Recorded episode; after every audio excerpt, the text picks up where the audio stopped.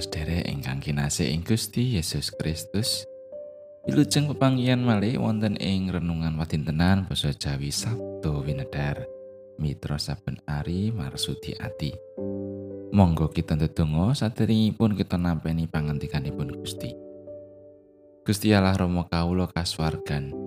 Sedaya puji syukur kunjuk dumateng Paduka awit sedaya berkah Paduka ingkang kawula tampeni ing sauruting gesang kawula. Sameneika Gusti manah kawula sampun sumadyo, sumangga Gusti paring pangantikan.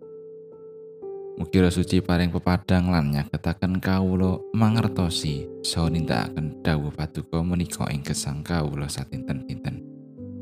Tasih kathah dosa panrak kawula ing ngarsa Paduka. Mugi Gusti kersa paring pangaksami.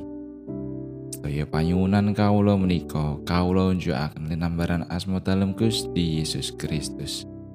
Amin. Maosan kapendet saking Rut bab kali ayatipun wolu dumugi 16. Buas banjur kondo marang Rut. Rungokno dhisik ngger.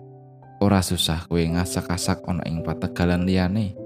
Lan ora susah kowe lunga saka kene. Nanging tetep cedhak karo batur-batur kuwadon.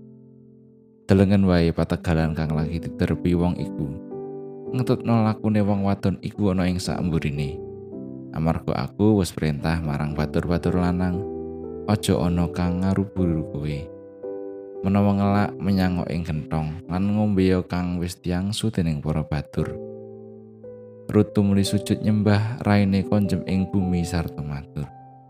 Marki saking menapa dene kula mangke kawelasan wonten ing ngarsa panjenengan.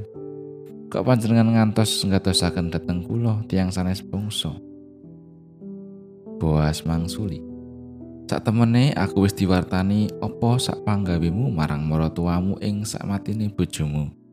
Angganmu ninggal popo biungmu lan tanah kelahiranmu? Marani bangsa kang ora kok tepungi ing maune. Sang Yewa muga kersa paring piwales marang panggawemu iku.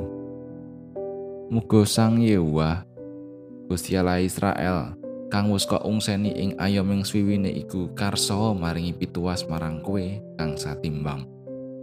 Rut banjur matur, "Rubendoro, kula saestu tampi sih piwulas wonten ing ngarsa panjenengan. Awit panjenengan sampun kersa paring panglipur dhateng kula, sarta sampun nentremaken manahipun ingkang abdi, senadyan kula menika mboten sami kalian para abdi panjenengan estri." Bareng tumeka wayahe wong mangan, Rut tumrih dikandani dening buas. maju mrene melu mangan roti lan puluhan mujlupno ing kesuka iki Rutadine banjur lungguh ana ing sandingi perwong nderep lan diulungi emping gandum gorengan dening buas anggone mangan nganti warek malah ana sisane. Bareng Rut ngadeg arep ngasak maneh buas banjur perintah marang bature pangucape. Kareben ngasak ana ing selo-selone bentelan-bentelan uga aja kok alang-alangi. Malah kang tekepan terkadang iya unusan sawetara runtuhno banjur tinggalen karepen dikukupi aja kok kasari. Mangkatan pengantinganipun Gusti ayat najeng ayat kali belas Sang Yewah muga kersa paring piwales marang panggawimu iku. Muga Sang Yewah Gusti Allah Israel kang wis kok ungseni ing ayoming suwiwine iku kersa maringi pituas marang kowe kang satimbang. Pamudidaya gayuh kaayeman ketentremaning gesang menika endah pangoyak kita kanthi golong giliking manah sedaya karosaning gesang dipun tohaken kangge gayuh Lejar ing kalih yen mangertosi gesang tansah winengku sih rahmat lan pitulunganipun Gusti Allah.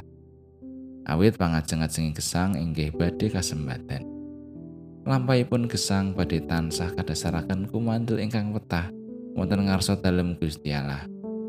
awit ing ngarsanipun Allah daya pangajeng-ajeng gesang dipun selehaken mboten badhe miyur ing sauruting lampah gesang malah ngadepi menapa kemawon palanging gesang tetep badhe lumampah ing piyantu dhateng Gusti Rut mangertosi lan pitados dhateng Allahipun mara sepuhipun awit saking menika Rut nderek salampahipun Naomi mara sepuhipun Rut pitados pilih alaipun Naomi merosepipun badhe nantuaken sih lan paring berkah mliginipun bab kaayeman.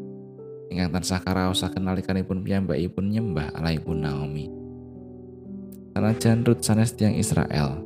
Nanging saking bangsa Moab.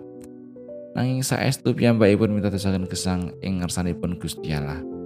Lan kanthi temen tan sambangun turut dhateng Gusti lan mara sepuhipun. Buas akan bilih sang yewah kersa paring piwales dhateng pantemelipun Rut menika. Pangungsanipun Rut dhateng ngarsanipun Gusti Allah pikantuk tuas jumbuh kalian kaantepan lan putusipun dhateng Allahipun bangsa Israel. Ngungsi dhateng Gusti Allah. Saestu mboten badhe nguci wani. Gusti Allah badhe tansah jangkung mitulungi sarta paring kaayeman lan ketentreman wetah ing gesang. Malah ing sedaya swasana lan kawontenan Gusti badhe paring berkah.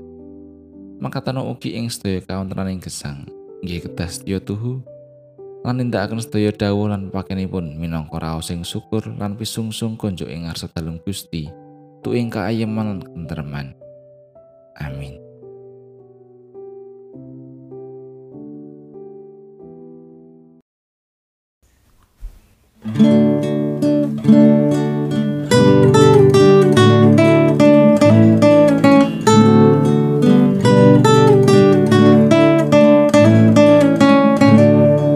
Kula tiang dosa langkung ageng rinentahan palimirmo muni kongge rame ramaken kawula sewutan yono mangkin tan wonten paniksa mangkin tan wonten paniksa mengrumenta ing semirmo mengrumenta ing semirmo